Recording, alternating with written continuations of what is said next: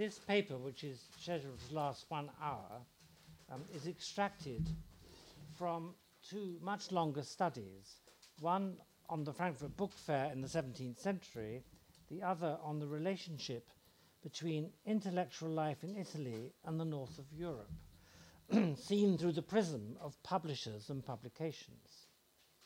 Here I intend to address the question what should an aspirant publisher choose to invest in in the years following the Thirty Years' War?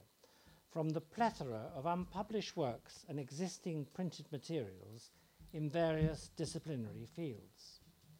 I asked this about the Dutch bookseller and publisher Andreas Frisius or Fries, 1630 to 1675, who specialized in learned books and Latin, and whose sadly curtailed career was short enough for an overview to be possible.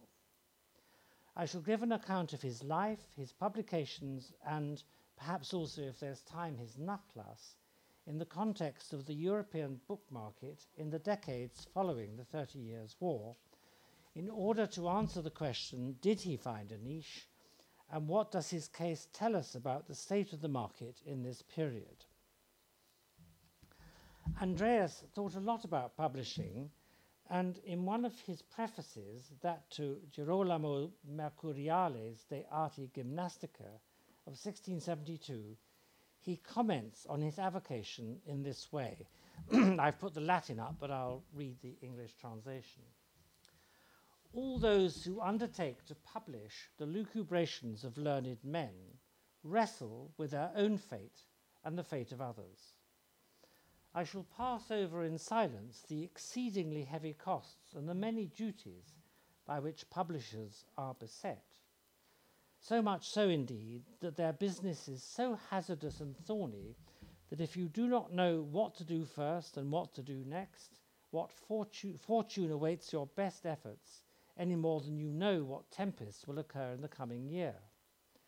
Everything thus depends on uncertain outcomes, and much more ominously on the capacities and whims of readers, as they have varying abilities, mental capacities, and inclinations.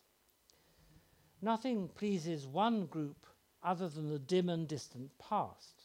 Another group only approves of what is new and freshly forged on the anvil.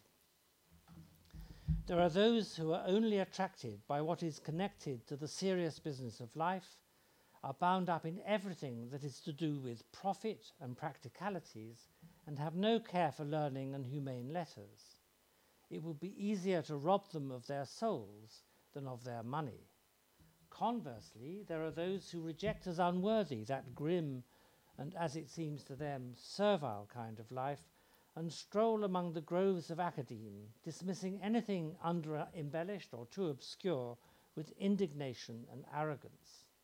The kind of people whom even the arbiter deliciarum, Petronius himself, if he were now alive, would not satisfy.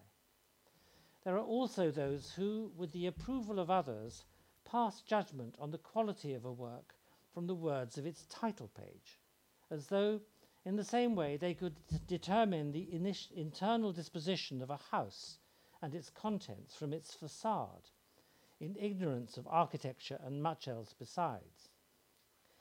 In all this diversity of minds and opinions, to promise the impossible and to expect the general goodwill of all readers would be nothing other than to reason like a madman. However, in whatever way these matters are constituted, I have always been of the opinion that I should do my best uh, in, in my calling, and I have therefore acted diligently so that anything coming out of my print shop should serve the common good of all with as little cost to the reader as possible. End of quotation. He had other things to say about his potential customers, which I shall come to in due course.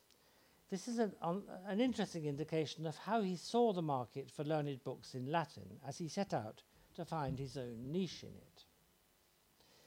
Andreas was born in the Netherlands in 1630, the son of an immigrant German jurist, Andreas Frisius, and Katharina van Gelder. She was the widow of Nicolas de la Noue, by whom she had an earlier son, Jan, whom it is pertinent to mention first.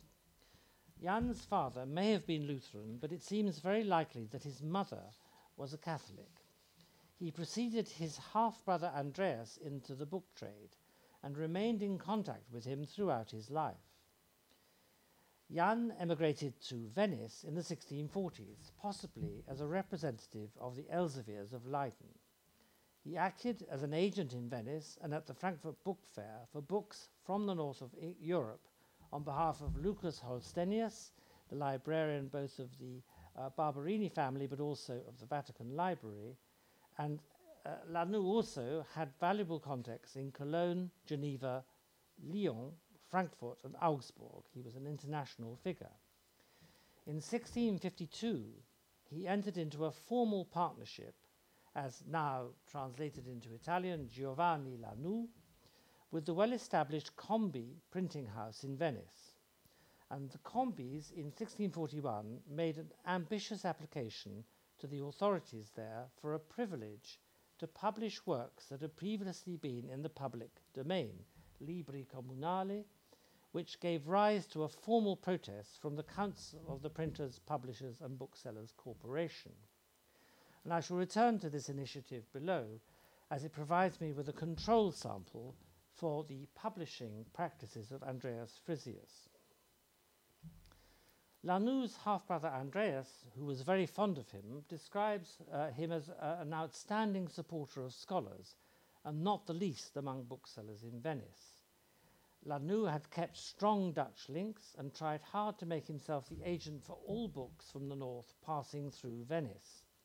By 1665, he was able to declare to the influential Florentine Antonio Magliabecchi, that no one has such excellent means as we have to supply Italy with books from north of the Alps.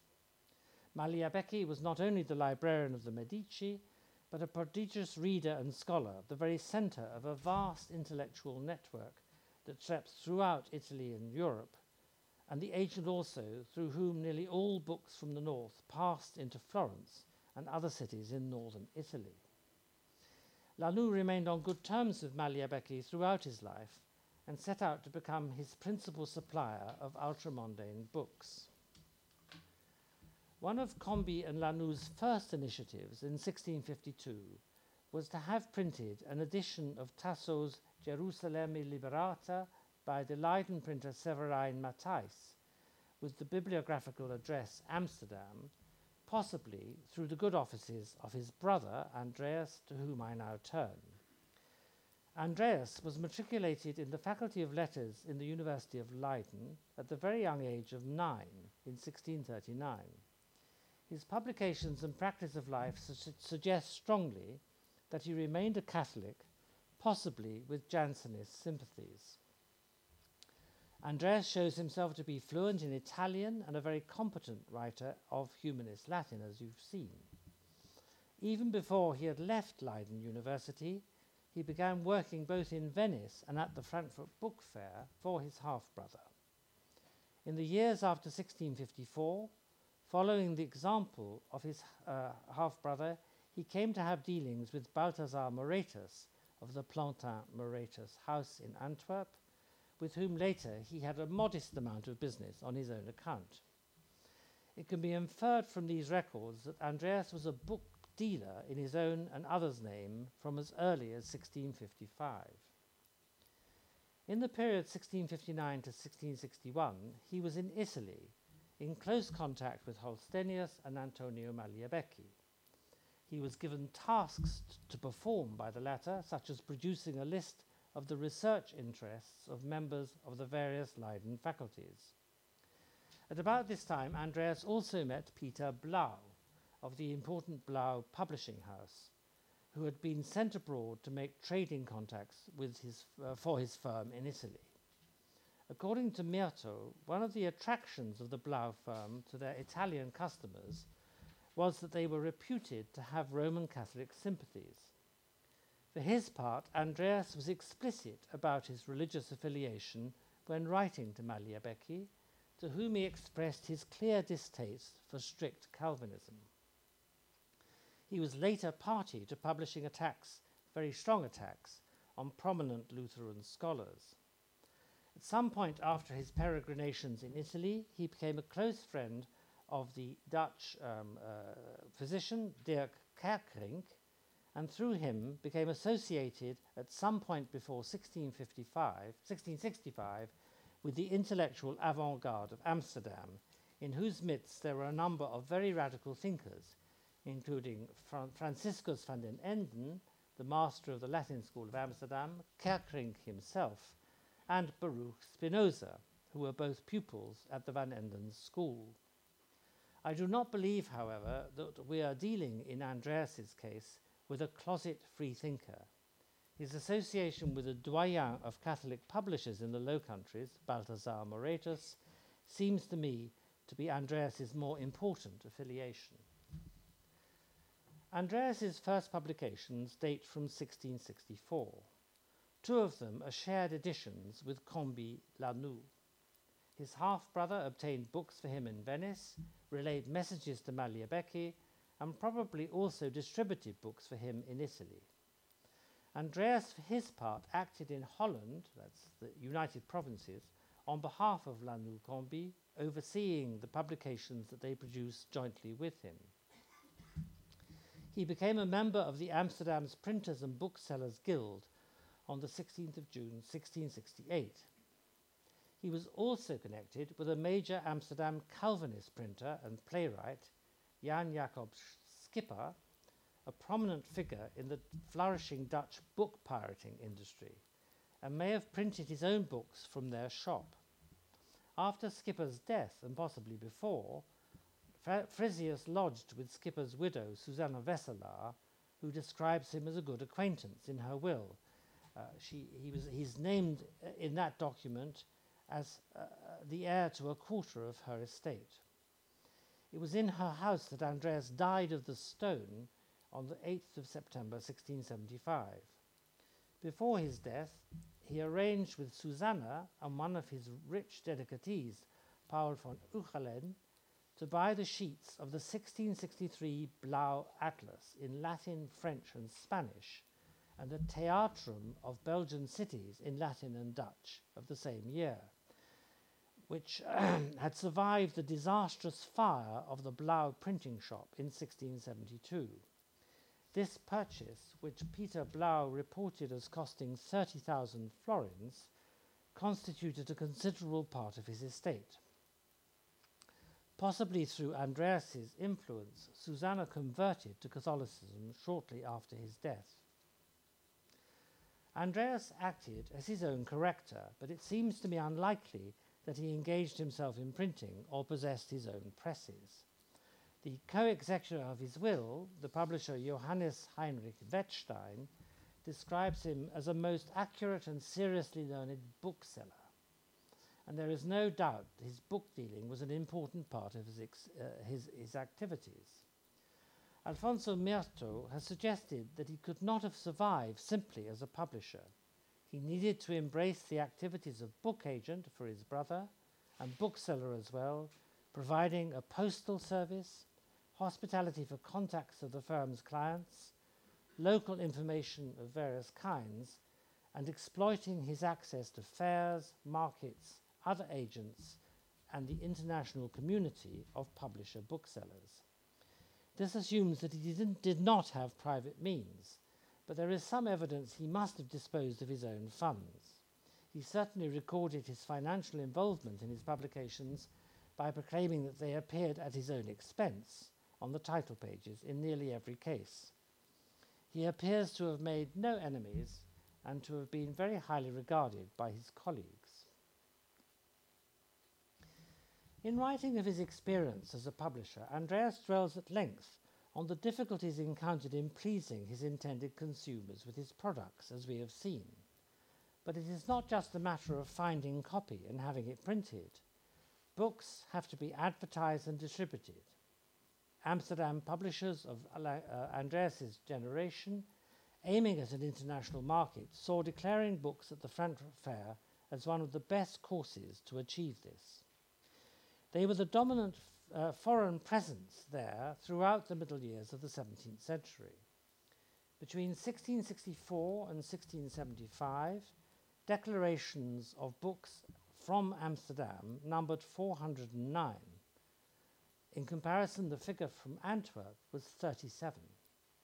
This contrasts very strikingly the Amsterdam figure both with the Venetians, only four books in that period, um, and the two major French centres of publication, Paris declared 29, Lyon 16. Only Geneva came close to the Amsterdam total with 296 declarations. For his part, Andreas clearly relied on exports through the fair.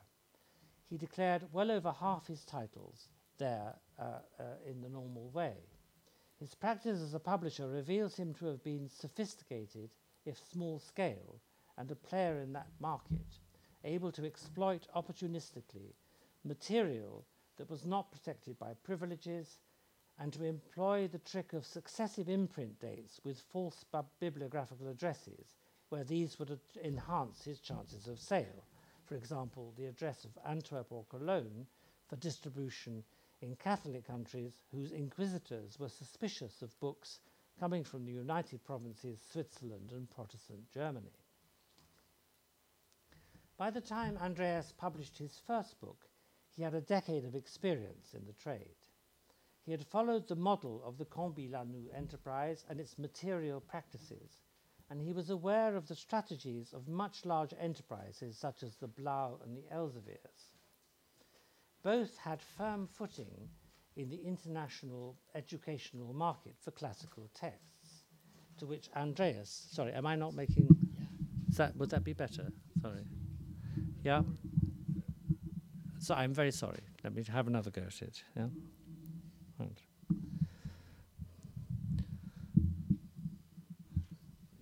I can't see my paper now, but that doesn't matter.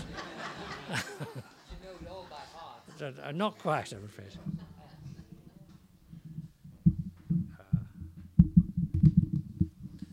I'll try leaning. Is that better? It doesn't hear any. No? no? More, yeah. Is that better? Yeah, okay. So I was talking about the Blaeus and the Elseviers. Both had firm footing in the international educational market for classical texts, to which Andreas, as a Leiden graduate in letters, might have aspired.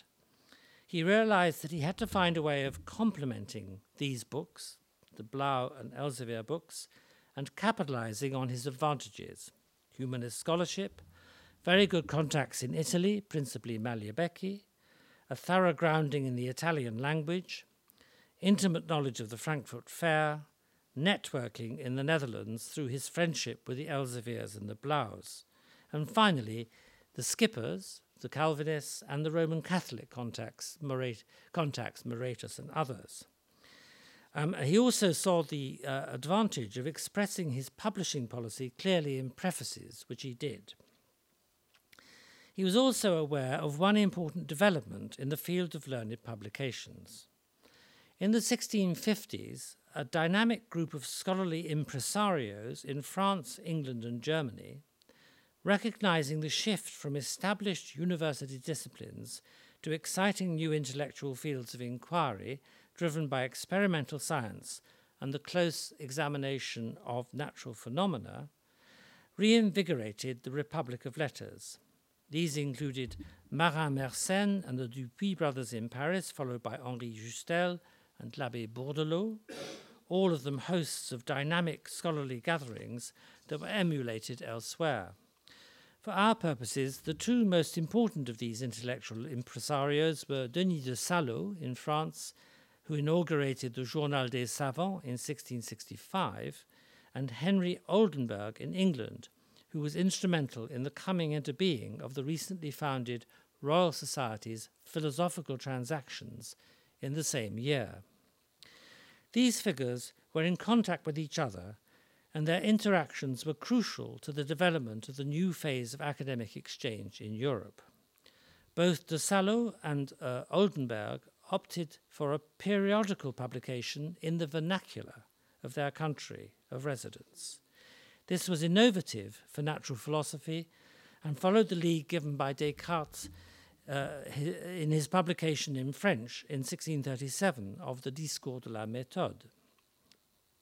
But as vernacular publication in medicine was still associated with surgeons and empirics rather than learned physicians, nearly all new experimental and observational work in that discipline was written in Latin. The French and English innovatory use of the vernacular was not followed in Germany, where Philip Jakob Sachs of the uh, Leopoldina, the Ac- Academia Natur- Naturae Curiosorum, and after him Otto Mencke, of the editor of the Acta Eruditorum, persevered with Latin as the language of their journals, recognizing that their ambition to reach an international audience and enhance the status of German medicine and philosophy could not be met by publications in the German tongue. On the other hand, the vernacular publications of France and England, and later Italy, with its Giornale dei Letterati, served a new constituency of readers who were also members and, in some cases, sponsors of the new investigative academies that were being formed in many parts of Europe uh, uh, at this time. And these were the curiosi, who had not received a traditional education in Latin. A new dual readership, Latinate and non Latinate, had come into being. All of Andreas Frisius's books, including those that shared their subject matter with academic fields that were going over to the vernacular, are steadfastly in Latin. And this is clearly a conscious choice. His chosen fields for publication fell into very different disciplines. The first of these was antiquarianism, often linked to piety, and concentrated on deceased humanist authors who wrote about the Roman world, including ancient Christian history, insofar as this connect, was connected to Rome. it is clear from his prefaces that Andreas hoped to stimulate his purchasers to become loyal clients by collecting all of these reprints. The same process of accumulation is evident in the sequence of works he published. He added, for example, some of Mercuriale's de Arte Gymnastica to Chacón's de Triclinio. You'll find these books on your list. And then went on afterwards to publish the De Arte Gymnastica. And that's not the only case of him uh, including a bit of an excerpt and then publishing a whole book. As he put it in one of his dedications, those who transmit in writing the remarkable deeds of others to posterity are seen to be most deserving of the Commonwealth. And his chosen printer's mark, um, which is this Optimi consultores mortui, the dead are the best people to give advice, expresses the same sentiment. He was also at pains in another dedication to stress the richness of the Roman tradition, which had absorbed a wide range of other cultures, including those of the Germans, Spanish, French, Asians, Africans, and Greeks. As he put it in letters to Machiavelli, uh, not to Machiavelli, I mean to Machi- Ma- Magliabechi, I am devoting myself to publishing certain small books on antiquity, especially those with illustrations from ancient and more recent authors which are not extensive volumes. If the, the images are changing, it's because I've put my hand in the wrong place. I'm sorry. Andreas would also have been aware of the tradition of publishing Antiquitates Romanae, which began with the editorial activities of 15th century humanists such as Poliziano and was developed in the course of the 16th century. It included Denis of Halicarnassus's frequently reprinted early history of Rome, the study of early Roman law, and more generally the study of Roman technology and customs by Carlo Sigonio, Johannes Rosfeldt, known as Rosinus, Lipsius, Onufrio Panvinio, Boulanger, and Cesare Baronio. These writings culminated in Johann Georg Graevius's Thesaurus in 12 folio volumes published between 1694 and 1699. Andreas's contribution to this field is made up of reprints of later humanists and humanist physicians. They are listed, as you can see, in the handout. The majority of these authors are Italian. In the list, there are also three French writers, one Spaniard, one Belgian, and two Danes, together with two Germans. uh, and the dates of the first editions of these reprints uh, range from 1588 to 1655. They were very much in the mode of what later would come to be called La Petite Histoire, which is perhaps why Graevius chose to include only two of Frisius's reprinted texts in his massive compilation.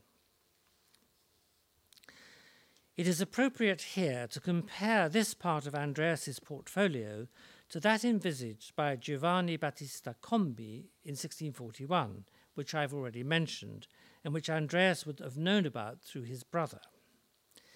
In Combi's application for a license to print Libri Comunali, he claims that bad quality paper and sloppily produced texts have deterred potential purchasers of Libri di Umanità, roughly the arts course, the classics, and some politics and theology, and what was needed were the most correct editions, correctissima editiones, in small formats with attractive frontispieces to, po- to pose a direct challenge to, to, the imports from the north from the presses of people like the Elsevier and the Blaeu. His application, that's Combi's application, was for a privilege for 30 years, which he later reduced to 10. In his second application, he specified, together with two standard liturgical texts, um, a number of classics, Virgil, Horace, Terence, and so on, the epistolae of Vives and Johannes Foelius, and Cipriano Suarez's Handbook of Rhetoric, all of which were used as school texts, clearly very, very profitable books. The request for a privilege was not granted, but a number of these texts did appear between 1642 and 1645 when Combi died. Now, it is manifest that Combi's motivation was commercial. It contrasts with Andreas's approach, which is more scholarly and more culturally directed. In his reprintings, Andreas added other relevant material, in some cases producing both sides of an academic dispute in the editions of Gallonio, Baudouin, and Pignoria, for example. In cases where this involved Catholic scholars who opposed Protestants, the form of publication usually gives the last word to the Catholics, as is seen in the edition of Bartholin, whose edition is followed by that of Nihus. Frisius's collection demonstrates that, that even the most seemingly neutral of topics, footwear or eating habits, could spark off confessional rivalry. A noteworthy author in this list is Lipsius, Justus Lipsius, whom he published with the help of the Moretus presses, from which the earlier editions of De Cruce had appeared. He may have conceived of the publication of groups of text, which he announced in a number of his prefaces, from the practice of certain Parisian printers. A prominent consortium of that city, Claude Cramoisy and Frédéric Léonard, brought out, for example, and you could look at your list, they're all brought out by Andreas as well. Gallonio's uh, book on uh, the uh, sufferings of martyrs, Maggi's book on torture instruments, and Lipsius's own book on, on the cross. And as a link, these came out as a linked trio in 1660. A similar publication printed nearer at hand, that's Rosinus's Antiquitates Romanae, which was linked with texts from Man- Manutius and Schott, appeared in Leiden in 1663, a year before Andreas begins his publication. The fact that Andreas engaged in republication reveals not only his sense of rivalry with the French, expressed in some of his uh, prefaces and letters, but also the fact that there are different market zones in question. He did not attempt to reprint Rosinus or Rosinus's texts as it was in his market zone. Paris, for its part, did not apparently choose to compete for a place in the international book market, but it did protect its own local sales area, as is shown by some later reprintings of Andreas's work uh, by um, uh, Parisian publishers. The second area in which Andreas chose to specialize was modern, state of the art medical research, physio- physiology, and anatomy by living authors. In his day, Andreas would have been as well known through his self publicity at the Frankfurt Fair as the publisher of medical texts as of Roman history. In the late 15, 1650s or early 1660s, he formed a deep friendship with Dirk Kerckring, I've already mentioned, who was a very gifted linguist, a chemist, and physician, to whom he had dedicated two books in 1665 and 1668. Kerckring, who was Hamburg born and very well connected both there and in Dutch society through his maternal grandfather, the ex burgomaster of Amsterdam, provided Andreas with contacts, and Andreas, inspired by his friendship and high regard for Kerckring, went on to publish four of his works in the 1670s. Through Andreas's dealings with the Combi La Noù and their dealings with Magliabechi, he was able to obtain material from Italian anatomists living in Tuscany, Lorenzo Bellini and Francesco Redi. He had obtained Latin translations of their investigations and distributed them in Northern Europe. He also selected for reprinting two substantial classics of Paduan medical writing Fortunio Liceti's book on monsters, whose previous edition had appeared in 1634, and Mercuriale's work on the gymnastic art of the ancients. But his most ambitious venture, one on a scale he had never attempted before, in this area would have been Fabricius ab Aquapendente's compendious work on surgical practice, which he declared as a Liber Proditurus, a book, a forthcoming book, at the Spring Fair in Frankfurt in 1669. It never appeared, probably through lack of financial backing. The third area in which he published books was that of natural philosophy and technology. In a letter to Magliabechi in 1671, he declared that he didn't much fancy these books, but he had been persuaded to take them on by a friend who might have been Kerckring or could also have been Gerard Blasius, who edited Bellini and Liceti for him and also lived in Amsterdam. Later, he produced works in Italian on the natural world by Francesco Redi that his half brother had procured for him. It would seem that he translated one of these himself, as his preface is a meditation on the stylistic choices faced by a translator. But in another case, this was the republication of a Redi work uh, on vipers, he simply appropriated the translation made by a German colleague of Philip Jakob Sachs, who published it as an appendix to the first miscellany of papers on experiments and observations of the Germ- German Academia Naturae Curiosorum in 1670. This was a shameless piece of piracy. Andreas's declared reluctance to publish in this area is contradicted by his reaction to finding out that his friend Peter Blaeu had received a number of copies of the handsome folio uh, publication uh, uh, by the Acad- Accademia del Cimento of Florence, of um, the account of their um, experiments, a very famous book, um, the Saggi di Naturali Esperienze. But it was, uh, but Blaeu had chosen not to proceed with the translation, accompanied by new illustrations, a translation into Latin, that is, accompanied by new illustrations drawn in Amsterdam. Blaeu himself comments on Andreas's eagerness to publish this work in a letter written in July 1668 um, to the patron of the Academy, Cardinal Leopoldo de' Medici, and strongly advises him against allowing such a publication, which Blaeu believes would lower the credit of the achievements of the Ac- Academy in, in Florence by making them too accessible. That same eagerness, Andreas's eagerness to publish, shows, I think, his prescience and his good commercial judgment. He was aware of the appetite of the learned market for news of the Italian experiments and observations, uh, an appetite in England, France, Germany, and Holland, and sensed that a small format publication would do very well. I come now to the material history of his production format, paratext, apparatus, and illustrations. There are 28 publications, some with multiple texts, in the list. In fact, if one takes notes of the works that Andreas chose to advertise to be purchased as groups, there are only 16 printing events at which he was present as corrector and perhaps designer.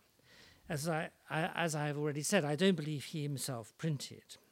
And it's not very clear who might have printed for him. Of course, he was living with the skippers, and the skippers had six presses, and they themselves were very prodigious uh, producers of text, and it's possible to use them.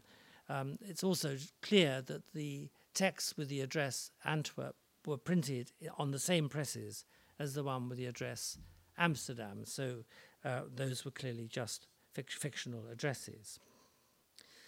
The design of the history books is remarkably similar one to another. The majority are in duodecimo with an engraved frontispiece as well as a title page with a printer's mark.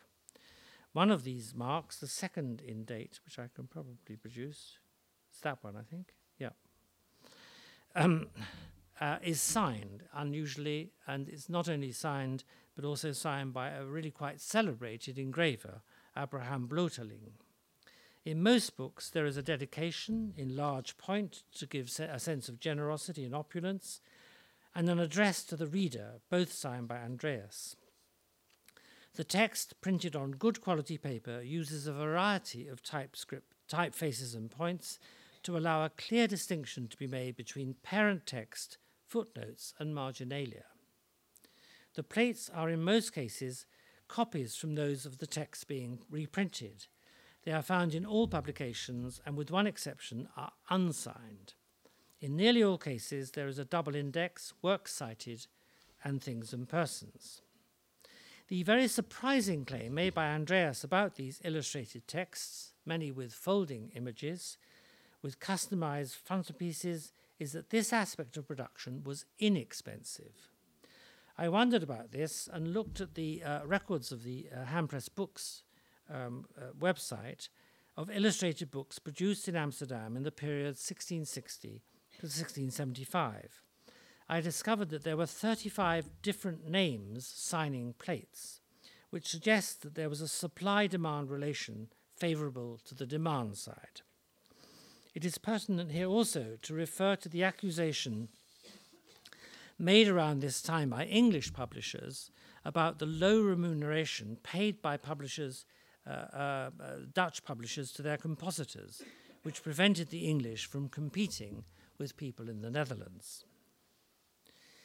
In his addresses to the reader, uh, Andreas makes the same repeated points. His editions are more correct than the texts of which they are a copy. The variation in typeface is helpful in distinguishing the apparatus from the text. There is nearly always added scholarly material and often added illustrations, and the illustrations help to disambiguate the text and are detailed and accurate at the standard of the Italian master Enea Vico. Andreas, who in various places makes clear that he is no friend of the French, is at pains to point out how much better his plates are than those to be found in parallel productions of that country. The copious production of inde- provision of indexes is intended for the use of a scholarly reader. One of the connotations of these claims is that this is not just lazy and unprincipled Nachdruck, piracy, or unauthorized republication, where the original is slavishly reproduced or at best the errata list is applied to improve the text. Andreas's editions have add additional typographical features and additional scholarly material. A last aspect to mention, which I've already referred to, is the bibliographical address. In three cases, there are shared editions with the Combi La Noù, who themselves then uh, cite Amsterdam as their place of publication. Uh, uh all the rest, are, of course, are uh, described as being published and paid for by Andreas. There is one book which has the address Cologne, to which I shall return, and three with the address Antwerp. Now, in the earlier part of the century, the use of these addresses would have been to secure sales in Catholic countries where Frankfurt or Amsterdam or Leiden would have rung alarm bells in the mind of inquisitors. But I wonder whether this is the case here. It may be that the Moretus connection caused Andreas to cite the Belgian city as his address, or was it possibly to send a signal to Protestant buyers that the editions produced with the Antwerp address contain virulently Catholic material in the form of insults to Protestant divines and scholars. That feature, feature would have made it difficult for any retained Amsterdam printer with strong Calvinist connections to produce the text. I shall pass over Andreas's elegant and rhetorically exuberant dedications with our usual quota of hyperbolic praise. He does not appear to have chosen his dedicatees for the financial support that they might give. All are male. In some cases, they are members of the Dutch elite. One is a bishop. In other, notables of northern Germany, connections of Kerckring. In other, fellow literati and publishers, but none are of the highest social standing. Most surprisingly, there is no dedication to Magliabechi, who, is not inf- who not infrequently attracted homage of this sort from northern publishers. This brings me to the question of initial financing to pay for paper and the labour costs of the printing workshop. Also, the question of uh, warehousing and distribution. All of Andreas's uh, books, with one exception, are marked sumptibus, as I've said. There is no information, other information about financing other than the surmise above that La Noù supported the venture at various points.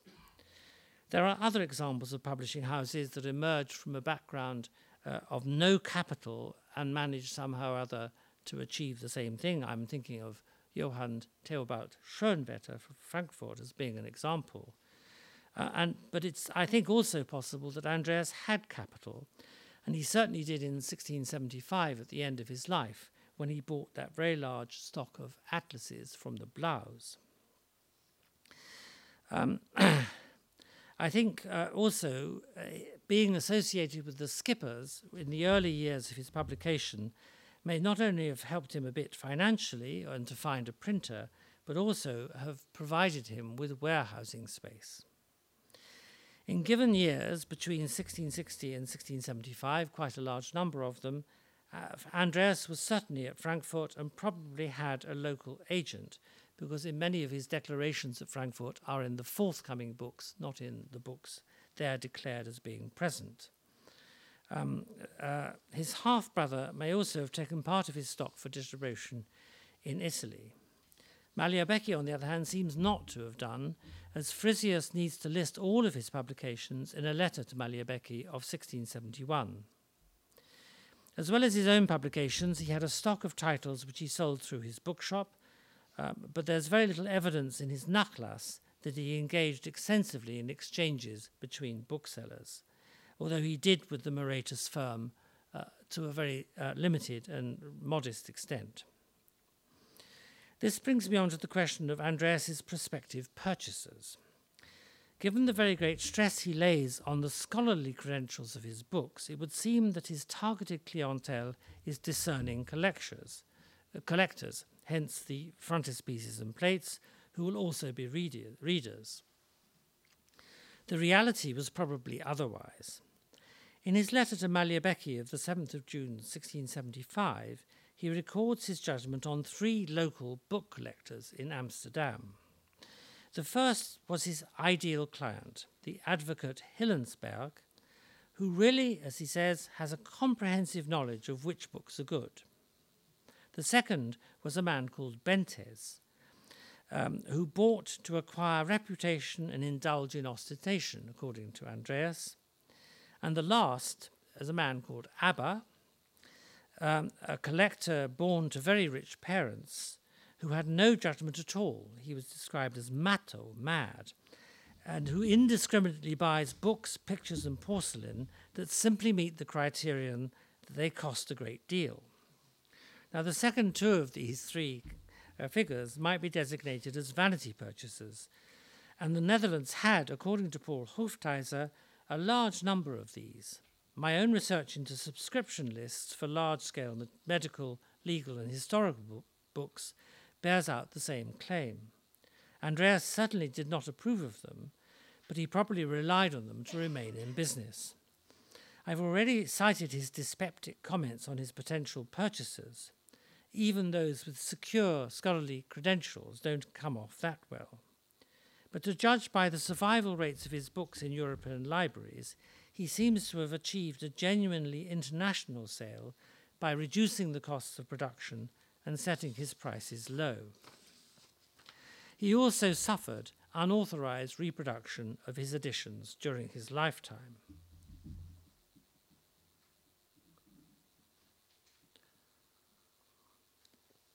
This occurred in 1673 and was perpetrated by the Dutch colleague Adriaan van Hogenhuizen, who had emigrated to Wesel, which he clearly saw as a separate market zone for the sort of books that Andreas specialized in. Two appeared in 1673 and two in 1675. Not only the texts, but also Andreas's very distinctive printer's mark, which we've already seen, which we can look at again. Various factors may have led um, Ad- Adriaan uh, von Hogenhuizen to um, use Frisius's mark, the high quality of the copy, the mark as a guarantee of textual accuracy, the fact that the works had not been advertised at the Frankfurt Book Fair. Uh, the likelihood that he could market these texts in Germany, that's to say, Adrian, might have been the reason why he attempted to reproduce them. It must be pointed out that the reprintings are very sloppy indeed. I come now to an anomaly. It appeared as a, uh, as a declaration in the Frankfurt Book Fair of spring 1675 it is a popular manual of Catholic piety in duodecimo for the, for the, for the Latinate. I mean, so this is not for the Catholic laity altogether, by Jacobus Merlo Horstius, entitled The Paradisus Animae Christianae, with the address Cologne. There were a number of previous editions. The book had been reprinted in Amsterdam in 1670 uh, with the false Cologne address and imprint uh, of um, Balthasar von Egmont by the firm of Blaeu, who advertised it at the Spring Book Fair of that year. Jan Blaeu the Elder had made a considerable amount of money out of unauthorized reprintings of Catholic uh, liturgical books with false imprints. The Paradisus belonged to this initiative. The firm, Blaeu, then took the unusual step of applying for an imperial privilege for it from a fictional place, the um, fictional full, uh, Cologne address of Egmont, uh, in October 1674 in the name of the younger Jan Blaeu. The frontispiece of the 1674-75 edition, however, carries Andreas's name and a reference to the privilege. Presumably, the Blaeu, who had lost the ability to publish such a text, through the destruction of most of their Amsterdam presses in 1672, decided to cede the right to produce the edition to Andreas. It does not belong anywhere else, I think, obviously, in his portfolio. Andreas died on the 8th of September 1675 and was buried four days later. His last months were spent in agony, suffering from the stone, as his colleague Wettstein records in a moving tribute in the preface to a work Andreas planned but was unable to publish, the book on unicorns by Bartholin. Wettstein, himself an assiduous and painstaking accurate, painstakingly accurate publisher, printed or reissued the works which Andreas had been unable to see through the presses, some with Andreas's printer's mark on the title page, uh, and some not, in 1676, and some in 1685 to 9. In one of these works, he chose to reprint that's Chacón's De Triclinio, which came out in 1689. He was able to state that it was, in fact, uh, a reprint necessary because the original ed- edition had, uh, uh, was out of print, which was an indication that uh, the market for Andreas's books uh, was quite healthy in the decade or, so, decade or so after their appearance. By the end of the century, the market, at least this part of the market, had moved on. The inheritor of Andreas's initiatives in Roman history was Graevius's Thesaurus Antiquitatum Romanorum, the 12 volumes I've already mentioned in folio. And this was one of the massive subscription led enterprises driven by a formula of publication that aimed at comprehensive coverage for rich purchasers. Reprints of Latin and anatomical and physiological works, also uh, involving Andreas, of course, were eclipsed in a similar way by Jean Jacques Manget and Daniel Leclerc's massive folio Bibliotheca Anatomica, which first came out in 1685 and was re edited in 1699. New works on observations, physiology, anatomy, and natural history appeared as before, but the right to publish them um, was keenly contested, not by um, uh, these uh, Andreas anymore, but by Dutch and Genevan printers in competition. And the genre became embroiled with the emergence of learned societies uh, and learned journals and issues of priority, um, which was already happening in Andreas's lifetime. So I come now to a few conclusions. Did Andreas find a niche? Before he started publishing on his own behalf, he was able to gauge the market through his connection with the Combi La Noù firm, his dealings with the Blaeu, the Skippers, and the Elseviers, and his intimate knowledge of the Frankfurt Book Fair.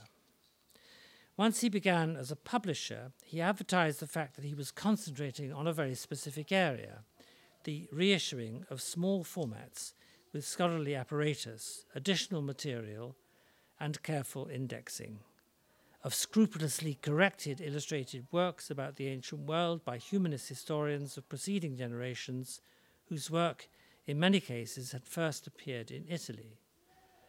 This is an interesting form of competition I hadn't anticipated. Andreas conceived of the publishers of these works as serious readers who would appreciate the care that he had, been he had devoted to choosing them, correcting them, and enhancing them with additional material, all for a relatively low cost, a sort of antipode to the clientele targeted by the producers of multi volumed thesauruses in folio. Such clients do not correspond to any of the categories of real readers with which this paper opened. What they do correspond to is a gifted student of letters of Leiden University who matriculated at the very young age of nine and won the admiration of his publisher contemporaries for his learning and accuracy. In other words, himself, the ideal reader of his own books. That puts him at one end of a spectrum of speculators in the world of publishing. At the other lies the class of hard nosed dealers in commercial realities, some of whom we have met in the course of this paper.